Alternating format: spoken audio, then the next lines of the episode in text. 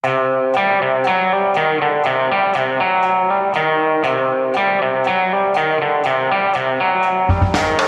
Boris Johnson til krig mot mediene? Og er det noe håp for uh, Arbeiderpartiet? Dette er Giæver og gjengen. Det er fredag den 20. desember, og det nærmer seg jul. Uh, ja, uh, jeg blir i disse førjulstider minnet på hvordan det var for jula for tre år siden. da var Donald Trump akkurat valgt til president i USA. Og på den tiden da hadde vi en litt sånn, mange av oss en litt sånn håp om at ja, men nå kom presidentembetet til å eh, disiplinere ham, og, og litt sånn Mange hadde fryktet Ronald Reagan også, men han viste seg å bli en sånn landsfaderlig figur og sånn. Var, var, det ikke litt sånn, uh, Hanne? Jo, vi tenker han er tross alt en businessmann fra New York, liberal. Nå har han vunnet på en ganske nasty måte, men presidentembetet er jo siviliserende seg selv, det er et stort ansvar, og nå har han endelig fått den store prisen. Nå blir han voksen og skikkelig. Ja, så Skjedde det, Anders? Nok en gang hvor gode vi journalister var til å forutse hvordan tingene skulle gå. Eh, og nå, eh, Yngve Kvistad, eh, nå går altså Boris Johnson, som jo tross alt er en helt annen type enn Trump, en intellektuell, en universitetsutdannet populist, ja kanskje, men av en litt annen, hva skal vi si, intellektuell støpning enn det Donald Trump er. Men nå ser det ut som han tar et kapittel fra læreboka og går til krig mot mediene, han også? Ja, han uh, føyer seg jo inn i rekka av uh, av tilsvarende statsledere da, som har benytta posisjonen til å uh, gjøre det. Altså, Silvio Berlusconi gjorde nøyaktig det samme. Matteo Salvini gjorde det samme. Vladimir Putin har gjort det samme. Hva er det han, hva er det han konkret gjør for noe? Nei, Han går da til angrep mot medier som kritiserer han, og som han ikke liker. og Det første rekke nå da handler om eh, BBC, men han har også gått til angrep på Channel 4 tidligere.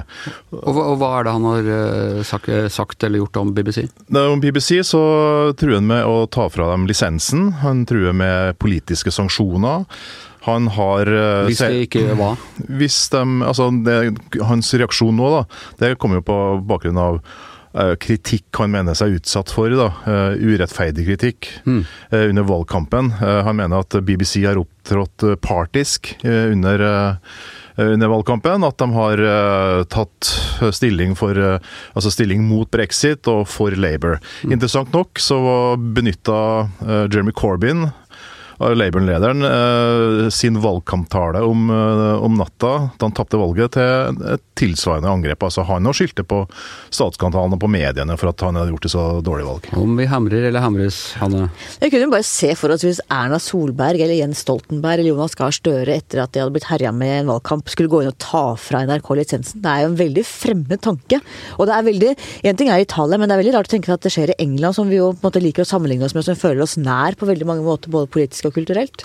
Dette er jo ikke noe nytt i og for seg. Altså, BBC har jo også tidligere vært under eh, press fra konservative regjeringer med nøyaktig samme angrepsmodus som, eh, som uh, Carl I. Hagen hadde i sin tid. ikke sant? Det var med ARK og alt det greiene der, og venstrevridd og, og Men Høyre og mente også i mange år og hadde sånne evalueringer og mente at Arbeiderpartiet, eller at journalistene i NRK var for Arbeiderpartivennlige og krevde gjennomganger. Og det var noen sånne gjennomganger og kommisjoner og sånne ting der også. Ja, da, husk på Carl I. Hagen som jo snakket om ARK, Arbeiderpartiets rikskringkasting. Det sa han akkurat.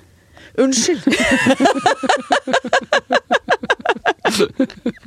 ja, skal vi gå videre på det? Men det var et veldig godt poeng Yngve hadde der. Så, ja, jeg syns det var veldig godt. jeg synes det var bra at du gjenta det. Er det noe Hanne har sagt som du vil eh, gjenta, Yngve? Uh, ja, opptil flere ting. Men, uh, nei, men altså, sånn med, med, BBC, da, så som sagt, det har også vært, tidligere vært under uh, press fra konservative regjeringer. men da har det gått på finansieringsmodellen, først og fremst. ikke sant? Man har ment at det er feil å bruke skattebetalernes penger på, på kringkasting og sånt. for det Storbritannia har, har jo hatt privat, private kringkastere i mye lengre tid, og så er det nå da i en, ja, en annerledes medieverden? Med, med, hvor mediene på i større grad blir, blir tvunget til å klare seg sjøl. Det har vi også sett her på huset, med å finne nye finansieringsmodeller av, av journalistikken. Men det som er nytt nå, det er jo at Boris Johnson han, han går til angrep på journalistikken til, til til BBC, og truer altså da med politiske sanksjoner og med økonomiske straffemidler. Også I tillegg senest i helga så øh, forbød han sine statsråder om å stille i et veldig viktig debattprogram i, i, på BBC som heter Today. Det er altså øh, BBCs Dagsnytt 18, bare at det varer tre timer og går hele morgenen, og er et, er et uhyre viktig program. Politisk kvarter ja. eller politisk fred Ja? Politisk Og- eh, tolv Og det, og det er liksom første gangen at noen har eh, liksom gjort det. Eh, og så eh, Men altså, altså, altså andre statsminister, altså David Cameron var jo også ute og, og trua BBC, og han hadde jo en, blant annet en, eh, en kulturminister som het John Whittingdale, som var altså sånn, ble kjent som først og fremst som en sånn BBC-hater og en BBC-dødere. Han forsøkte jo også å få stoppa det, men få stoppa lisensmodellen, men det ble jo da stoppa i parlamentet, blant annet av en stor gruppe Tory-representanter. Høyre-representanter, konservative, som mener at BBC er det viktigste flaggskipet vi har i kringkasting, og det skal vi uh, verne om. Men vi er ikke helt squeaky clean i Norge heller. Det har vært uh, forskjellige altså, eh, Jeg husker regjeringsadvokaten er blitt sendt opp, uh, opp i NRK. Det har vært Arbeiderpartiet har også, sånn når de har vært misfornøyd, gått ganske langt i å mm, trekke i de politiske kjettingene, liksom. Absolutt, og de har prøvd. og var, Jeg husker ikke hvem av de store kringkastingssjefene, om det var eh, Elster eller eh, Ustvedt, som på et tidspunkt ble kalt ned på statsministerens kontor og sa at nei, da får du komme opp hit på mitt kontor. Ja. Så at eh, NRK har jo på en måte holdt veldig på sin integritet, men det er klart det har vært forsøk på det. Nå sist i valgkampen så vi at Arbeiderpartiet, en av Arbeiderpartiets eh, eh, fremste folk dro opp.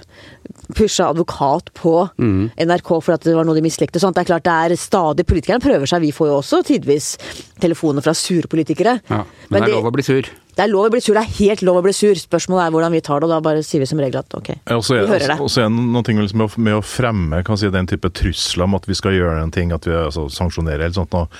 Men det Boris Johnson har gjort, er at han har jo igangsatt en prosess. Nå har jo han gitt fornya tillit til sin eh, kulturminister Nikki Morgan, som har gjentatt dette angrepet mot, eh, mot BBC.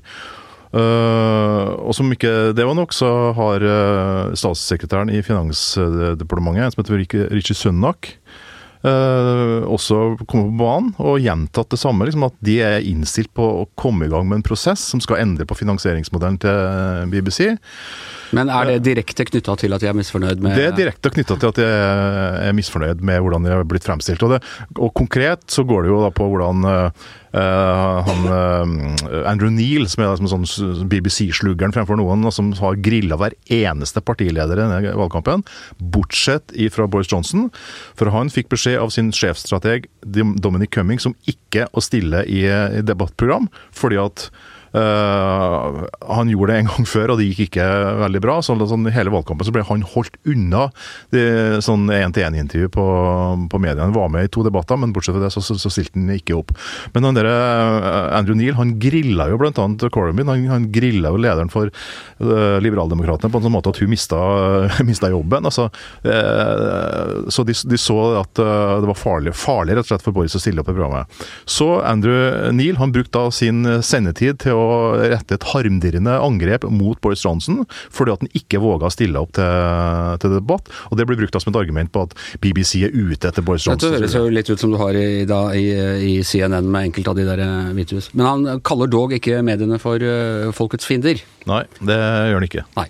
Vi får se når han, eh, når han har kommet litt eh, Så langt ikke. Men han kaller jo BBC da for eh, British, nei, Brexit Bashing Corporation. Oi, bashing til og med. Ja, det høres jo Ikke smashing. Det høres norsk ut, men det betyr altså ja, Det betyr noe annet, annet. betyr noe annet, ja. Jepp. Uh, vi skal hjem igjen. Hva, det er vel en av de siste lørdagskommentarene du skal skrive til i morgen, Hanne? eller Ja, det er årets siste, faktisk. Årets siste, ja. Ja. Og hva, hva vier du den til når det er årets siste? Årets- Det blir vel et rivende oppgjør med noen ting der, tenker jeg.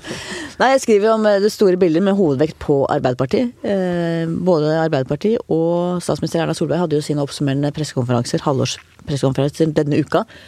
Og Arbeiderpartiet har jo Altså Jonas Gahr Støre gikk fra en veldig veldig lovende posisjon da han ble partileder for seks år siden, og så har det bare gått nedover hver dag siden. Husk at de starta jo i januar 2015, han ble valgt sommeren 2014. I januar 2015 lå de langt over 40% på meningsmålingene. Ett år etterpå hadde de tapt kanskje 10 prosentpoeng. Ja. Og nå ligger de liksom ned på 20-tallet. Hva, hva var det som skjedde? Det er et veldig godt spørsmål. Mange vil sikkert tenke ok, metoo og nestledersiden, men det begynte jo lenge før metoo. For det var Det begynte jo før eh, valget. ja, det var jo stortingsvalget i 2017 før metoo som var jo Da gikk det virkelig fryktelig, fryktelig gærent. Den sommeren gikk det gærent. Og det interessante der, for så vidt med at eh, liksom, man, noen har sagt at ja, nei, hvis Giske Nå er han kanskje på vei tilbake og sånt, men han var også delaktig i, eh, i den valgkampen. Han ledet jo valgkampen, Ja. var jo valgkamp, eller var flere som led, men han var en av dem som var ansvarlig for valgkampen. Ja. Og som siden prøvde å distansere seg litt fra det, som skapte veldig mye vondt blod rundt han. Og som kanskje var med da på å legge Grunnlaget, tror jeg, for for, det som for det som kom. Ja, det tror jeg nok, i hvert fall intensiteten i det. Um, men så skal vi huske at det var ikke så lett for Støre å ta over heller. fordi at det, eh, det grodde jo ikke så godt under Jens Stoltenberg. Han satsa jo på veldig sikre kort de siste to årene særlig av sin eh, periode som statsminister. hvor Han henta inn gamle folk som Sigbjørn Johnsen, Grete Faremo, istedenfor å la liksom unge, talentfulle folk prøve seg. Ehm, sånn at det, det har ikke vært så veldig mye å ta rekrutteringsmessig heller for Jonas. Og det var et ganske slitent parti etter åtte år i regjering. Ehm, så det er, liksom når folk i Arbeiderpartiet sier men hva, vi har jo ikke noe andre enn Jonas, hva skal vi gjøre? Det fins jo ikke noen alternativer heller. Nei, men eh, ja, vi skal alltid være litt forsiktige med å gi råd og, og eh, si hva Men, men hva, eh, hva Hvor tror du muligheten ligger? Man har snakket om liksom hardere på miljø, gå til venstre, gå mot sentrum. Hva er det som er Hvor er det Arbeiderpartiet liksom kan plassere seg i det politiske landskapet fremover for å reise kjerringa? Det er vanskelig, med det som alltid har vært Arbeiderpartiets styrke, tenker jeg, det er at det er et ansvarlig styringsparti som klarer å avveie ulike interesser mot hverandre. Nå har vi ganske betente eh, debatter, f.eks. om klima. Og jeg tror det er et ganske stort sug egentlig etter en ansvarlig midtvei hvor du både klarer å ivareta industrien, industriarbeidsplasser, oljenæringen, som er vår aller viktigste næring økonomisk.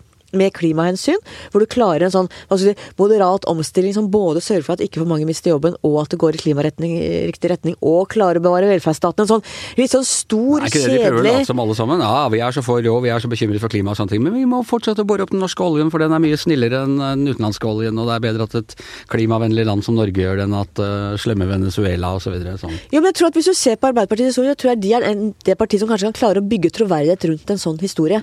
At de er de som kan klare å finne den middelveien. Men det er vanskelig, og det er jo gnagere på alle kanter. Og vi ser jo da Det som er absurd, er at mens regjeringa er så upopulær som den er Høyre tapte alle storbyene. Venstre og KrF ligger begge under, langt under sperregrensa.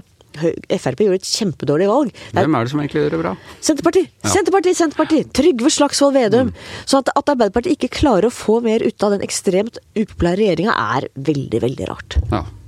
Eh, er det noe altså Jonas Gahr Støre er jo, dette snakket vi om en annen dag her også, men Jonas Gahr Støre er- ser jo ut som han er uten utfordrere så langt. Er ikke det også litt rart i en sånn situasjon?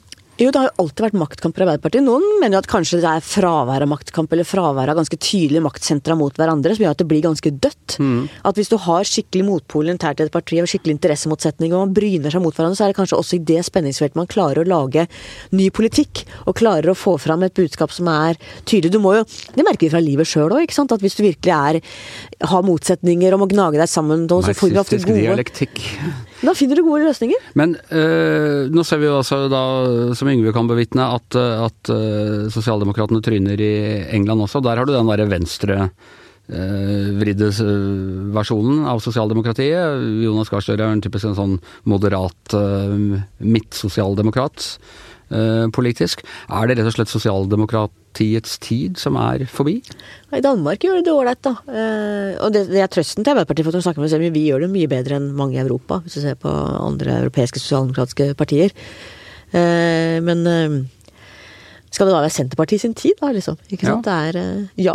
Ja, det er landbruket som skal gjenreise det Jeg tror jo jeg tror, men det er, jeg tror at Norge trenger både et sterkt Høyre og et sterkt Arbeiderparti. Vi trenger de to store partiene på hver sin side av blokkene som på en måte eh, står for en ansvarlighet, som bygger Som har en felles allianse når det gjelder sikkerhetspolitikken, eh, viktige ting i eh, økonomisk politikk. Eh, ja, jeg tror at man trenger den aksen. Integrering i innvandringspolitikken.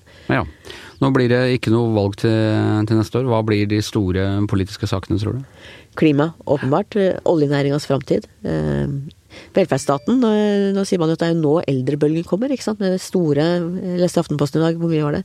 100 milliarder mer pensjonsutgifter i løpet av få, få år. Ja. Altså det er hele velferdsstatens framtid er nå litt eh, Vi- ikke spill, så må det i hvert fall beskyttes. Vi får håpe de har tatt høyde for det. Det er vi som er eldre i Belgien, vet du. Ja, ja, ja, ja er, du trenger ikke minne meg på det.